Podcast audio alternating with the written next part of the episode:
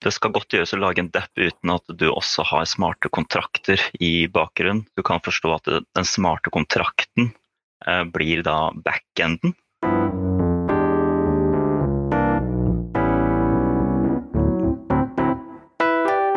Velkommen til eh, dagens episode av Egderøret, podkasten eh, her i Egde. Og i dag kjører vi full ut koronaepisode. Mm -hmm. Med folk som lusker i bakgrunnen og alt mulig. Alle er hjemme. Alle er hjemme. Så vi får se hva det blir av det her til slutt. Kan du ta en runde rundt bordet vårt i dag, så jeg kan begynne med meg. Jeg heter Øyvind Brekkhus Sandaker. Jeg jobber i Egde og jobber med utvikling og litt sånn annen rådgivning rundt IT-ting. Uh, jeg er veldig for sånne open source-greier, blant annet. Og det er egentlig sånn jeg kom litt inn på dette med blokkjede og sånne ting. Så jeg er veldig, veldig interessert på det med den vinklinga. Og så har vi en annen uh, kjent for noen av oss. Philip, hva, ja. hvem er du? ja, i hvert fall kjent for eh, vi som allerede er litt involvert i Egde, kanskje er ansatt. Um, ja, så jeg, jeg, har, jeg, er ikke kanskje verdens mest kjente innenfor Egde, for jeg begynte jo, begynte jo bare i, i, juni. Så jeg har ikke vært konsulent veldig lenge. Uh, før det så har jeg jo studert uh, til å bli dataingeniør i Grimstad. Um, så jobber som utviklerkonsulent. Uh, fikk mitt eh, første oppdrag hos en ordentlig kunde som er veldig spennende hos Agder Energi. Så det er der jeg bruker mye av tiden min, da, med å skrive litt skrivekode. Mm. Ja, jeg tror kanskje jeg kan komme litt mer tilbake til den interessen for blokkjeder. Men, men det er noe som har, som har spira litt den siste tiden, da. Mm. Så har vi en litt mer fremmed kar, men litt kjent for noen òg. Jørgen. Hei, hei. Ikke eh, Egde-mann, men eh, søstera mi, lillesøstera mi, jobber i Egde. Så hun spurte meg om jeg ikke kunne være med på podkasten deres. Så eh, ja, hvorfor ikke? Iallfall når det er så spennende emne som dette. Ja, veldig bra. Skal vi ta en liten sånn der eh, Hvordan man har kommet borti bitcoin. Philip, du sa du ville holde litt tilbake, men eh, hvordan, eh, ja. hvordan har du kommet inn i eller ikke bitcoin akkurat, men uh, egentlig hele blokkjedegreia. Og hva, ja. hva, er liksom mest interessant for deg? Altså, altså, Hva som er mest interessant, altså det er jo altså det er den blokkjedeteknologien og hvordan den, den, muliggjør Det er så mange anvendelser som vi ser begynne å komme i dag, eh, som jeg syns er veldig spennende. Enten det er innenfor forsikringer, eh, eller om det er eh, kanskje liksom frem i tid da, snakker man om, om metaverset, eller som sosiale medier 2.0. tenker Det har jeg lyst til å komme litt tilbake til etter hvert. Men, men mm. jeg ble jo først introdusert for, for, krypto. Jeg visste ikke hva blokkjeder og sånt var. Jeg visste egentlig ikke hva krypto var. Men det var sånn fire år siden hvor jeg først hørte om det, og da tenkte jeg ok, det her er noe som noen få, eller en del, har blitt veldig rike på, men det går over. Og mm. jeg skal ikke hoppe på den bølgen der nå. Eh, jeg var fortsatt student. Jeg hadde, liksom, jeg hadde ikke noe inntekter til å egentlig investere. Eh, men så hadde jeg noen kompiser da, som, som hadde lagt litt penger på det og, og tjent ganske bra. da. Eh, men tenkte at det Ja, jeg har tjent til nå, men det ja, jeg ser ikke noe nærmere på det. Men det, det var jo ikke før jeg, før jeg, begynte å jobbe litt og snusa litt på krypto igjen i sommer, at jeg begynte å se litt på Først litt på investeringsmarkedet, men etter hvert har fått også interessen for det rent teknisk. Altså hvordan er det jeg selv kan lage applikasjoner som mm. bruker blokkjedeteknologien. da. Eh, og derifra så har du bare balla på seg med, med ja, Gått fra en sånn liten hobby til å være nesten altoppslukende. Ja, og Jørgen, var du en sånn slags eh, som satt der og ja. hadde litt eh, mer interesse tilbake for fire år siden, eller noe sånt? Ja, det begynte egentlig i sånn midten av 2017, uh, eh, da sønnen min kom og lurte på om han kunne kjøpe en del IT-utstyr for mange tusen kroner. Og, for å mine, som han kalte det. Han mm. ante ikke hva det var. Og, så, og liksom hva han skulle med det? Nei, han skulle bare mine coin, og så kunne han veksle det inn i penger. Altså, du, det gutten min, det er ikke sånn det fungerer.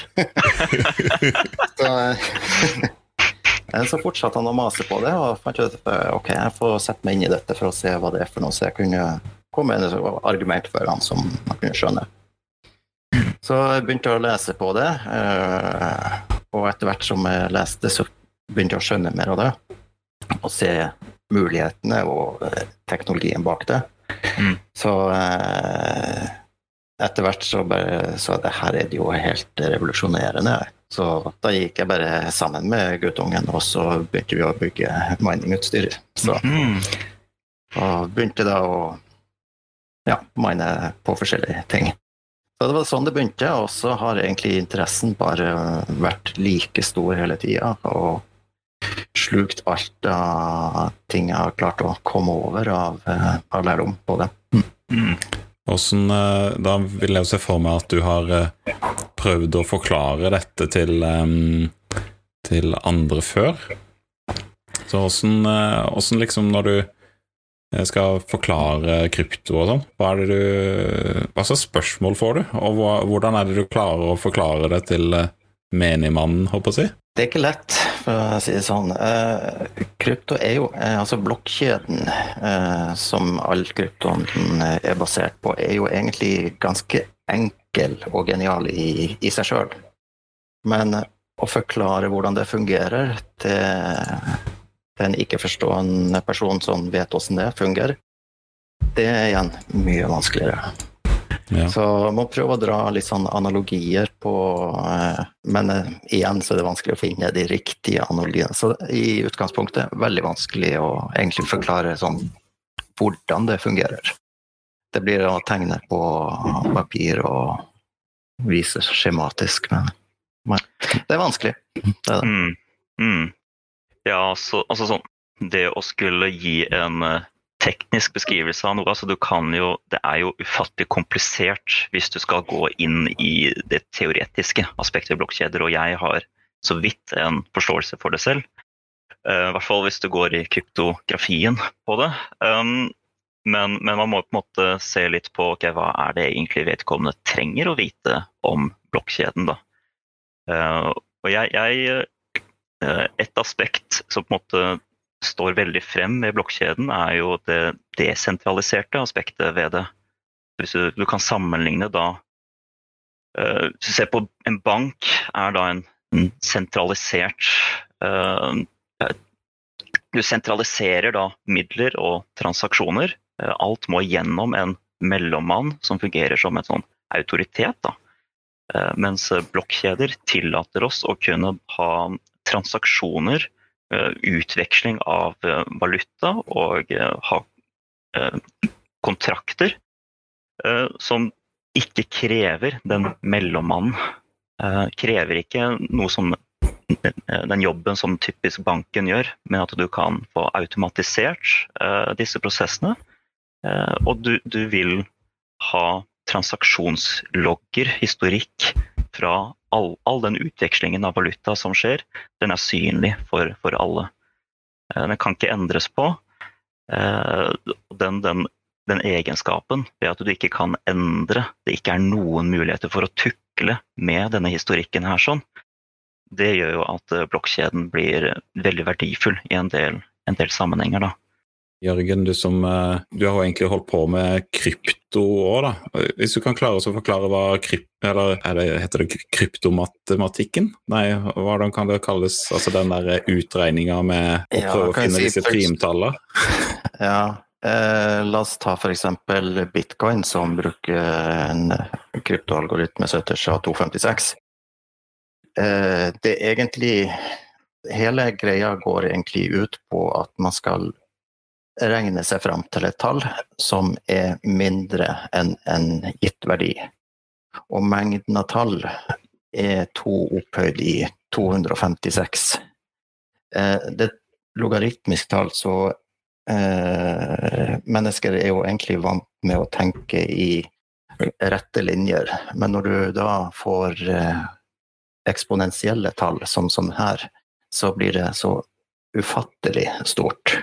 Så når man skal begynne å prøve å forklare disse tingene her, så da må man igjen begynne å eh, lage Dele det opp i, i bolkere åtte ganger åtte ganger åtte, for også å kunne skjønne eh, litt sånn størrelsen på matematikken her. Jeg vet ikke mer man kan si om akkurat det. Det, det er et helt eget felt på, på akkurat det, og kommer veldig teknisk inn. ja, jeg er veldig enig.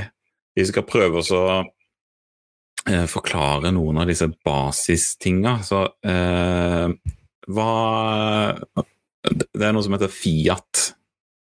Ja, Fiat eh, er jo det som eh, Det er de 100 kroner-seddelen som man har i lommeboka, myntene.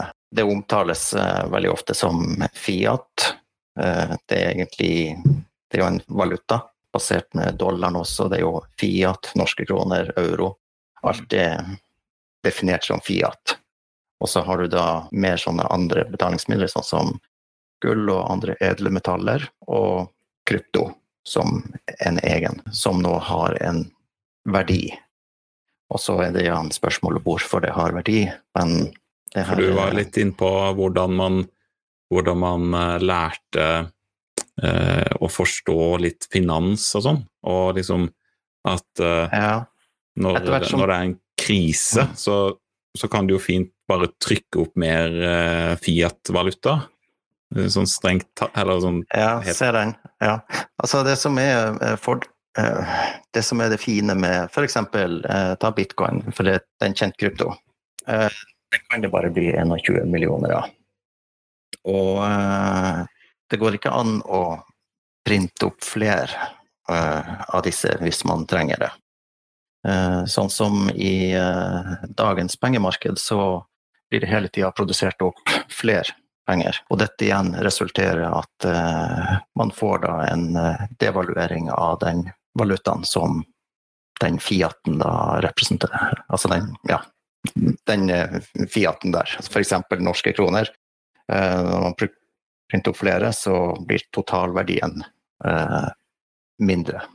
Når vi snakker om valuta og sende penger til hverandre, og hvorfor kommer vi innom sånne ting som å lage applikasjoner oppå, oppå de greiene her? Som Philip, du der er det kanskje Ethereum, eller uh, i hvert fall det som kalles uh, DAP. Mm. Decentralized Applications, er det det det står for? Ja, stemmer. stemmer. Hva, hva, huleste, det høres jo ikke ut som noe du kan tjene penger Eller hva har det med bitcoin og blokkjede og penger å gjøre? Altså, hvordan passer det inn i det inn i hele det greiene? Klarer du å ja, hoppe på og bare forklare det i en håndgemeng? Ja, det er jo mange Et eksempel vil jo være at uh, La oss si at du, du, eier, du, eier, bitcoins eller du eier en eller annen form for kryptovaluta. Uh, og så har du lyst til å kunne utveksle den til en annen form for kryptovaluta. Kanskje du, du ser for deg, spekulerer i at uh, Ethereum den, den tror jeg ikke kommer til å vokse like mye som en annen kryptovaluta, på, kanskje på kort sikt. Uh, og da har du lyst til at det skal være mulig for deg å enkelt kunne bytte den over til en annen valuta. Så en applikasjon det vil jo da eksempelvis eh, være da et grensesnitt på, i en nettside som lar deg velge en, en valuta som du har noe i, eh, som du overfører til en annen. Det er sånn et ganske simpelt bruksområde da, for en sånn DAP. Men en desentralisert app og liksom at du kan bytte det i andre coins og sånn, mm. det er jo Hvordan passer det inn med krypto? Det høres jo ut som noe helt annet, egentlig. Jørgen, hva tenker du hvordan det passer inn i den sammenhengen? Som, der? egentlig som hånd i hanske, rett og slett. Eh, blokkjeden har jo alle transaksjonene, og den mm. er ikke mulig å endre. Mm. Så der vil man alltid ha en oversikt på hvem som eier hva. Når du kobler en DAP, en sånn desentralisert eh, applikasjon, på blokkjeden, eh, og den kommuniserer med flere blokkjeder samtidig, så kan den ta ut så mye fra ene blokkjeden, lagre den og skrive den til en annen. Og du får en automatisk kobling. Du har fraskrevet deg dine eiendeler der, men du har kjøpt de der og koblinga og transaksjonen blir skrevet til blokkjeden, og, alle vet da at ok, nå har den personen eller den applikasjonen eller hva som eier den delen, så mye og mer der, og så mye mindre der.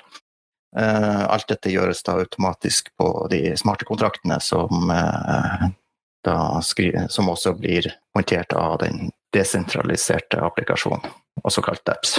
Jo, eh, de som er mest vanlige nå, er jo gjerne, som Philip sier, de vekslings, automatiserte vekslingstjenestene nå på, på, nettet, der man automatisk kan switche fra en coin til en annen.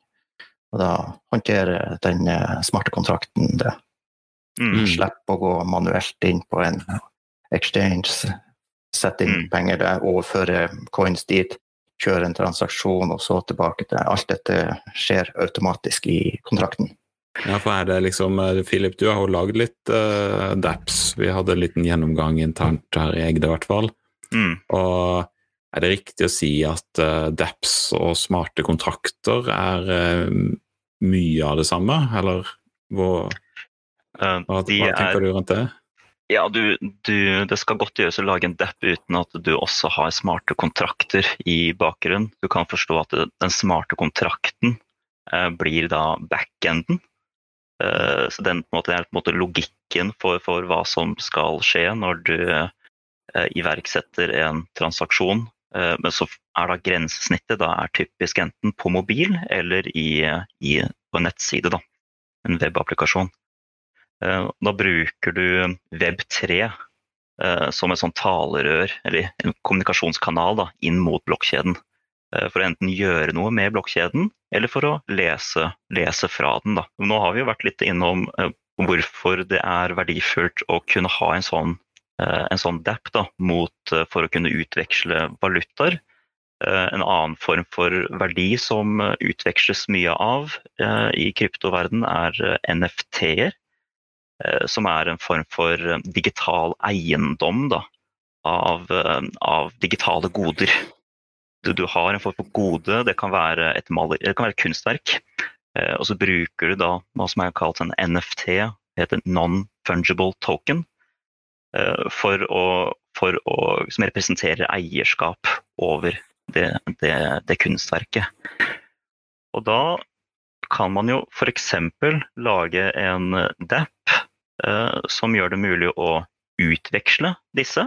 Eh, det gjør det mulig å, å kjøpe, eller sånn du kan, det kalles for minting, når du skaper eller genererer en sånn digitalt eh, f.eks. kunstverk eller et annet digitalt gode. Så betaler du så og så mye i en kryptovaluta for å få tilbake en sånn eierskap da, over et sånt kunstverk eller annet. Ja, jeg synes det, det, er det som er sånn morsomt når du liksom hører at du, du kan begynne å trade, som annen type ja, sånn aksjetrading nærmest, på en coin. Og så kan du begynne å lage smarte kontrakter, og så kan du begynne med NFTs, og så liksom Det var sånn som uh, i når jeg fikk dere til å bli med på, eller når vi begynte å snakke om denne podkasten, hva som skulle til, eller hva vi skulle gå litt sånn igjennom. Og så uh, kasta jeg ut uh, hvordan vi ser krypto om 27 år. Og så mm. hadde Jørgen uh, veldig overraskende, men akkurat i min gate begynt å nerde på hva det betyr. Sånn, ok, Er det om 27 år, hva skjer da? Eller for 27 år siden? Men det var da du kom, Jørgen, sånn Dessverre så var det bare tilfeldig. Men jeg skulle gjerne hatt, uh, hatt tenkt gjennom så mye at uh, for 27 år siden så skjedde det noe spesielt. Jeg måtte jo finne, prøve å finne ut hva du egentlig tenkte på med 20 år siden det var så spesifikt. Så uh, legger på 27 år nå, så kommer vi til 2048, så jeg lurte på om det hadde noe med 2048-bits krypto, kryptografien å gjøre. Eller om du går 27 år tilbake i tid til 1994, der eh, World Wide Web oppsto, som liksom Internett 1.0. Liksom hvor man, hvis man snur litt spørsmålsstillinga da, og går 27 år tilbake i tid og stiller samme spørsmålet Hvor tror du Internett er om 27 år, der vi er i dag? Eh, da folk egentlig hadde den oppfatning av at internett kun var for uh, kriminelle og narkotikasmuglere og, og, ja, og også ellers bare porno. Det, Mhm. det var jo det det besto av. Som man ser på utviklinga som har vært fram til nå, så tror jeg ikke noen kunne egentlig forestille seg hvor langt man har kommet. Nå man skal man se 27 år framover nå, basert på det man vet, eh, krypto, som er kommet nå, som egentlig eh, Jeg vil si det er like revolusjonerende som internett i seg sjøl var i 1994. Vi kommer til å ha veldig store teknologiske muligheter. Eh, Metaverse, som Philip sier, det kommer. Eh, det kommer fort. Det kan, kan godt hende at det kommer flere Metaverse. Facebook har jo bytta hele navnet sitt med tanke på den merkevarenavnet det. Har de bytta Mm. til Meta og forbereder seg mot det. Ansett hundrevis av blokkjedeutviklere. Dapps kommer til å bli veldig stort framover. Landegrenser kommer til å bli viska ut, eh, spesielt i Metaverse. Alt du kan kommunisere med alle med instant, altså sanntidsoversettelse. Og eh, når du får nå Web 3.0, som også Philip var inne på, eh, der du kjører desentraliserte applikasjoner på internett på Web 3, kombinert med krypto og Metaverse, ja, vi har en fantastisk spennende tid i måte. Ja, jeg er helt enig.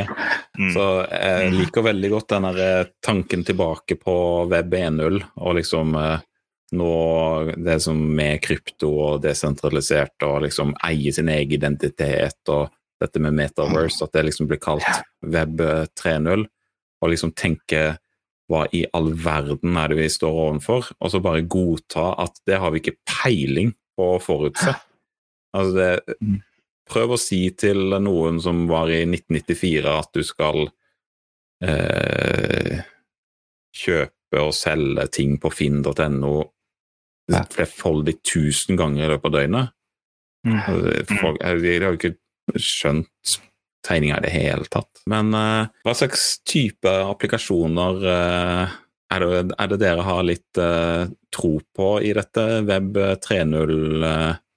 3.0-greiene allerede nå, som kanskje folk ikke helt har fått øynene opp for? Har dere noe sånn uh... Nå, nå skal jeg ikke si at jeg har uh, på en måte utforska det. Utforska hele landskapet. Uh, det er langt ifra.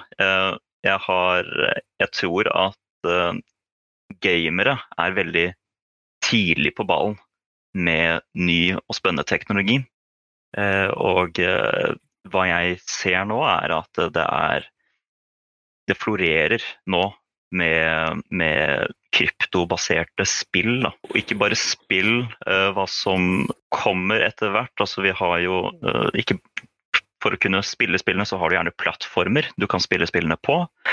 Uh, og med tanke på den verdien som NFT-er tilbyr, at, at spillere selv kan ha eiendeler da, i et spill. Eh, for å kunne utnytte den egenskapen av NFT, så trenger du da også en plattform som tillater utveksling av eiendeler i spillet. Um, så noe jeg har troa på, det er at uh, det er plattformer som kan erstatte hva f.eks. Steam er i dag, som tillater um, spillutviklere å tilby spillet sitt gjennom, gjennom en plattform, men at man i stedet for å bruke Steam, som ikke har støtte for NFT-er, som ikke har støtte for uh, å ha denne utvekslingen av uh, digitale eiendeler, uh, så vil vi da se at konkurrerende blokkjein-baserte tjenester kommer, tar over den rollen til Steam, som, som vil da skape en sånn økonomi da, rundt disse NFT-ene, digitale eiendelene. Det, det, det, det kommer. Eh, og det, er eh, ja, vi, vi, har jo sett ganske nylig bare en sånn nyhet fra Ubisoft. Jeg vet ikke om dere har fått med dere det. Uh, dere, mener i hvert fall at Ubisoft er jo et veldig stort uh, gamingselskap. Uh, og de, de kommer for en uke siden sånt med nyheten om at de, de nå skal tilby, tilby skal lage et spill som, som tilbyr NFT-er i spillet. Når så store selskaper eh, kommer, inn, eh, kommer, inn, og satser på NFT-er, så, så, skjønner vi på en måte hvilken, hvilken vei det går. Da. Mm. Mm. Jeg er helt enig med Philip. Det, det, det, er den veien det kommer til å gå. Og når vi ser også eh, NFT-er har ikke vært, vært, så lenge, og allerede så er store spillselskaper på dette allerede. Så dette kommer til å gå fort, og utviklinga kommer til å gå mye fortere denne gangen enn det var når World Wide Web ble etablert. Ja. Um, ti år, så eh, ja, jeg vet ikke hvor de er da. Nei, for nå mm. Jeg hørte nå at uh, han eldste sønnen min som sitter og gamer bak meg her til vanlig, han uh, har heldigvis gått ut av huset, men for han skal jo få uh, Det er jo mange som får sånne gift cards på alt mulig som man da kan kjøpe i alle disse spillene, som Fortnite og whatnot. Mm. Og liksom Jeg har jo også kjøpt mye sånn in game-ting i mm. gamle dager, og liksom da vite at det i hvert fall har en verdi utafor spillet også. At du mm. kan ta det med deg. Mm. Det, det, er en Det er ikke betrygg... Men i hvert fall det har en verdi, da, kanskje at det blir en sånn der collectable på lik linje som å ha eh, andre collectibles som eh, ja, i USA med disse baseball cards eller hva enn. Og liksom kunne da ta det med seg ut av spillet, og da kanskje trade det eller bare vise det fram hvis det hvis det er bundet bare til deg sjøl, at ikke du kan trade det videre, men at, at det liksom da får en verdi utenom spill og sånn, det, det, er jeg helt enig i. Det er morsom mm. greie. Eh, og du ser jo de som eh, de tidlige investorene i disse svære Web 2.0-selskapene som Facebook og Twitter og, og også Uber og alle de, de de begynner jo å lukte lunta rundt eh, Web 3.0 og hva det har å by på. Så hvis man har tenkt å få noe head start, så må man virkelig tørre å hoppe i ting, tror jeg. Men mm. uh, ja, uh, utrolig spennende tid i møte. Den adopsjonen da, som, uh, som vi kan se for oss, hva, hva, slags type ting er det dere merker at folk blir skremt av? Sånn når vi utviklere, vi skjønner jo dette f.eks. med med Git har jo vi jobba med, som er en desentralisert ting allerede. Eh, så vi skjønner litt sånn at en desentralisert eh, sannhet kan funke. Men eh, det er jo mye sånn uvisshet, og med grunn, av f.eks. det med desentralisert, hva det betyr og sånn. Hvordan Hva tror dere folk liksom skremmes av mest når de hører om krypto og den eh, gjengen? Jeg tror det rett og slett går veldig mye egentlig på uvitheten uvittheten hva det er for noe. Eh, folk får informasjonen sin fra media, f.eks. Eh, forsvinningssaken her i Norge nå. Det der blir veldig haussa opp det at løsepenger skal betales i Monero og at du kobler krypto til eh, kriminelle aktiviteter. Jeg tror at det, det, gjør en del med å bygge under det bildet at uh, dette ikke er helt uh, stuereint, og ikke ser de mulighetene som dette faktisk uh, bringer med seg. Ja, for f.eks. Monero, da. Det er jo en Vi lever jo ikke alle i et land hvor det er at man kan stole på veldig åpenhet og at penger sendes eh, og det kan spores og sånn. Eh, så Monero er vel litt mer sånn at du kan anonymisere mer, er den ikke sånn, eh, Jørgen, eller? Jo, det stemmer. Monero er en såkalt privacy coin. Det er helt umulig å spore hvor den kommer fra, eller hvem som har fått den per i dag så eh, det, det, settes inn store ressurser på å knekke de kodene, for det er mange som gjerne vil vite hvor disse verdiene går. Men eh, sånn som eh, matematikken er, så ser jeg ikke helt hvordan de skal klare å knekke den. Nei, ikke ennå. Men ja, men apropos knekke, jeg har tenkt liksom kvantecomputere. Vil ikke de mm. ødelegge ting for sånn som du, da, som har mina og sånn? Eh, vil ikke bare en kvantecomputer bare brrt, spise opp alle de algoritmene og gjøre de obsolete, eller hvordan har du tenkt noe rundt det? Ja. Uh, kan vi si mining av bitcoin det starter jo først med å mine med en CPU. Da holdt det med en CPU fra 2010 å mine dette. Det var ikke stor uh, hersene som du trengte for å mine dette. Etter hvert så ble det kraftigere CPU-er til de gikk over til skjermkort. Og da fikk de et ordentlig boost i hashing-krafta. Altså hashing det er rett hvor mange ganger du klarer å gjette dette tallet som du skal komme fram til. Mm. Og uh, utviklinga har jo bare gått videre, og de har nå fått uh, egne maskiner for, kun for å regne ut uh, SHA-256-algoritmen, som kalles for A6. Og så er da spørsmålet når de nå kommer med kvantecomputere, som egentlig er mer sånn på forskningsstadiet, men de ser for seg at i framtida så vil det absolutt være mulighet. Da vil du jo selvfølgelig bare koble disse kvantecomputerne til å gjøre algoritmen enda sterkere igjen. Så det blir kvantecomputer mot kvantecomputer igjen. Så det hele tida skaleres likevekt oppover. Så, så ser ikke det som noe problem. Nei. Så bitcoin eller uh, alle disse underlig eller de andre type uh, coinsa, de har på en måte støtte for det allerede, bare med at du gjør den algoritmen vanskeligere og vanskeligere by design. Ja. Er det sånn? Ja. Mm. ja. Du endrer den hele tida. Så du, du eh, I og med at du ikke kan endre på koden på eh, en kryptovaluta, så eh, må du da splitte blokkjeden, som kalles en fork. Så eh, den gamle den går én vei, og så får du en ny en som, som går videre da, med den nye teknologien. Så kan godt hende at det er noen på den gamle som fortsatt driver og holder på, men hvis ikke den har sitt livsrett, så vil han naturlig dø uten at folk bare slutter å bruke den, og da dør han hen. Og det er den nye som går framover. Så da får du en uh, naturlig utvikling hele veien. Hva er det for noe? Det med forking av en uh, Har det skjedd med bitcoin, f.eks.? Ja, det har det. Det gikk det skjedde egentlig uh, i 2017 er vel egentlig den som er kanskje mest kjent, uh, da du gikk ut i Bitcoin Classic og Bitcoin. de kom til et punkt altså, Nå blir vi litt tekniske igjen, men hver blokk i blokkjeden har en viss størrelse. Og så er spørsmålet skal, skal man For å få plass til mange transaksjoner i en blokk, skal man da eh, øke blokkstørrelsen eh, for å få plass til alle.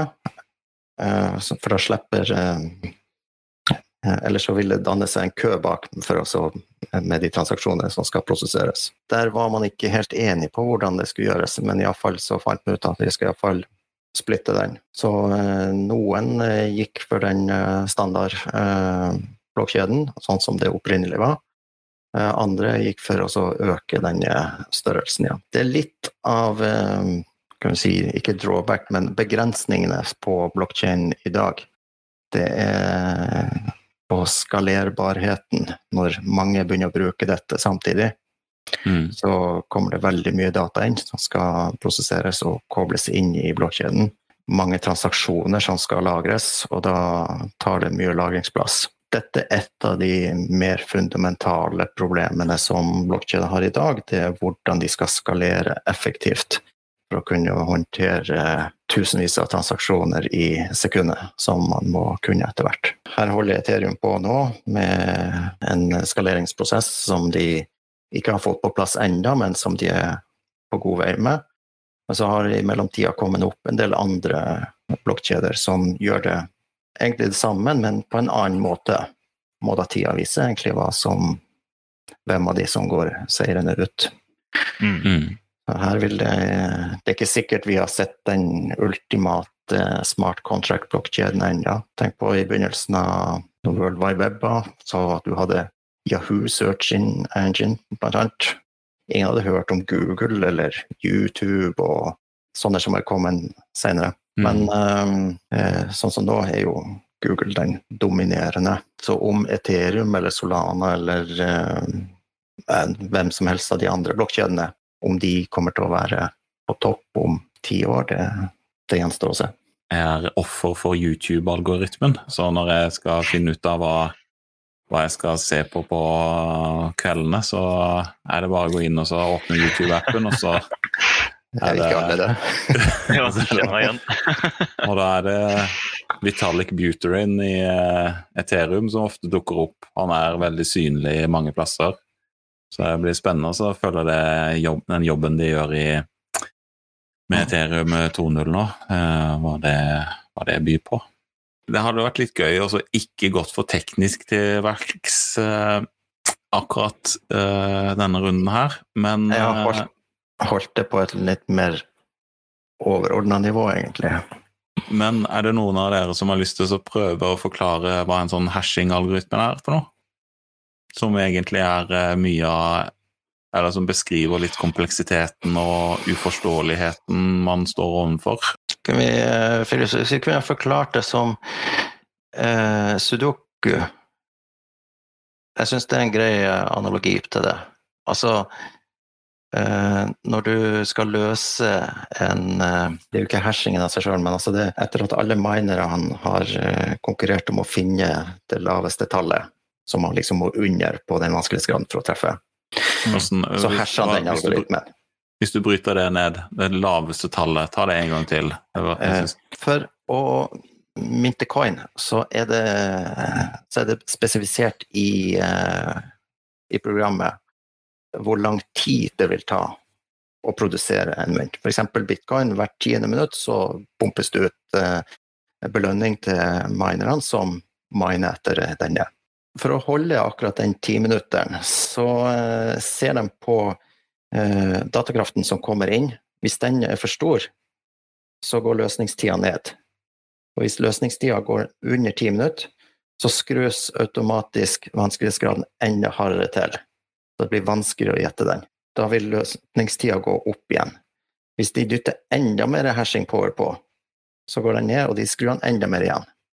Hvis det da plutselig tar for lang tid å løse den, så, så eh, den plutselig kommer opp i tolv minutter, da, må det, da skrus den automatisk opp på altså lette på vanskelighetsgraden. Så den hele tida ligger og prøver å holde seg på ti minutter. Og da, da, Det er bakt inn i en algoritme, da? Ja, det er åssen er det, de... altså, det er jo bakt inn i selve programmet til blokkjeden. Til eh, altså Bitcoin Core, altså selve programmet. Ja. Hva som eh, er både tida og som skal brukes. Også hvilken algoritme som skal brukes for å løse denne problemstillinga. Eh, så er det om å gjøre så vanskeligere og vanskeligere. Jo nærmere og nærmere null, jo vanskeligere og vanskeligere blir det. For tallet er jo så stort. Mm. Settes uh, vanskelighetsgraden til midten, så, så treffer de fort. Er det lenger ut mot null, så treffer du random mye mer på de andre tallene. Men så er det det med hashing-algoritmen igjen. For at når du har truffet den, altså at du har jeg har, lø eh, sier, jeg har løst den, jeg har kommet under den treasuren som er satt. Så hasher han den funksjonen og sprer ut til alle minerne. Se her, jeg har sjekka det. Eller jeg har funnet ut av det. Og det måten det du regner på, det er veldig rett Eller det er veldig vanskelig å treffe en Chateau 56-løsning uh, uh, sånn, med å regne den ut, men det er utrolig enkelt å regne den tilbake igjen. Det er nesten som det samme som sudoku. Det er vanskelig å regne ut én og én og finne de riktige tallene. Men det er veldig kjapt å se ok, dette stemmer, når du har fått Sudoku mm. presentert. Det er mm. litt på samme måten her. Men uh, å forklare den uh, på en grei måte Nei, men det var en god eh, sammenligning, det. Jeg er ikke den største fanen av analogier av den grunn at, ja. at den er veldig vanskelig å er, eller, den er så komplisert at med å sammenligne den med sudoku, så kan den nærmest gjøres for, uh, for enkel. Fordi at uh, den er jo veldig komplisert, så den fortjener ja. å ha en komplisert uh, forklaring. Men, men, men, akkurat noe så komplisert som en hashing-algoritme og en konsensus i blokkjeden, det mm. syns jeg fortjener en sånn sudoku-ting kan eh, kanskje folk eh, de tenker litt over den eh, neste gang de er sitter i bilen alene og, har, og, ikke har noe annet å tenke på. Kanskje de kan skjønne enda mer av den. Det var veldig bra, Jørgen. Mm. Ja, jeg tror kanskje vi lar det være med det denne runden. Og så lar hashing-algoritmen være det, det nerdeste vi beveger oss på i dag. Og så eh, har jeg altfor mange spørsmål nå til at jeg kan klare å tenke at dette her holder, fordi at eh, det her vil jeg ha mer av. Men eh, har du lært noe nytt i dag, Philip? Du, jeg syns uh, Altså sånn For meg, jeg har uh, For meg så er det fortsatt veldig tåkete egentlig hvordan disse algoritmene fungerer, og hvordan denne minting-prosessen faktisk uh, foregår. Hvordan man henter ut, eller utvinner, da, bitcoins fra disse, disse kompliserte algoritmene, hvor du skal løse oppgaver. Eh, men det ble litt, litt, tydeligere for meg nå, etter den analogien til Jørgen. Jeg følte at jeg kom litt, litt nærmere, i hvert fall. Eh, som, eh, som vekket, vekket, en interesse for å nå gå enda litt dypere, for å forstå litt bedre hvordan disse algoritmene fungerer for å utvinne bitcoins. Hva med deg, Jørgen? Fikk du noe ut av samtalen her i dag, eller eh, var dette alt kjent og samme måten å forklare ting på? Nei, altså det er Jeg ser jo det at hvis man skal komme seg noe vei videre, så uh, er det jo programmering man må lære seg.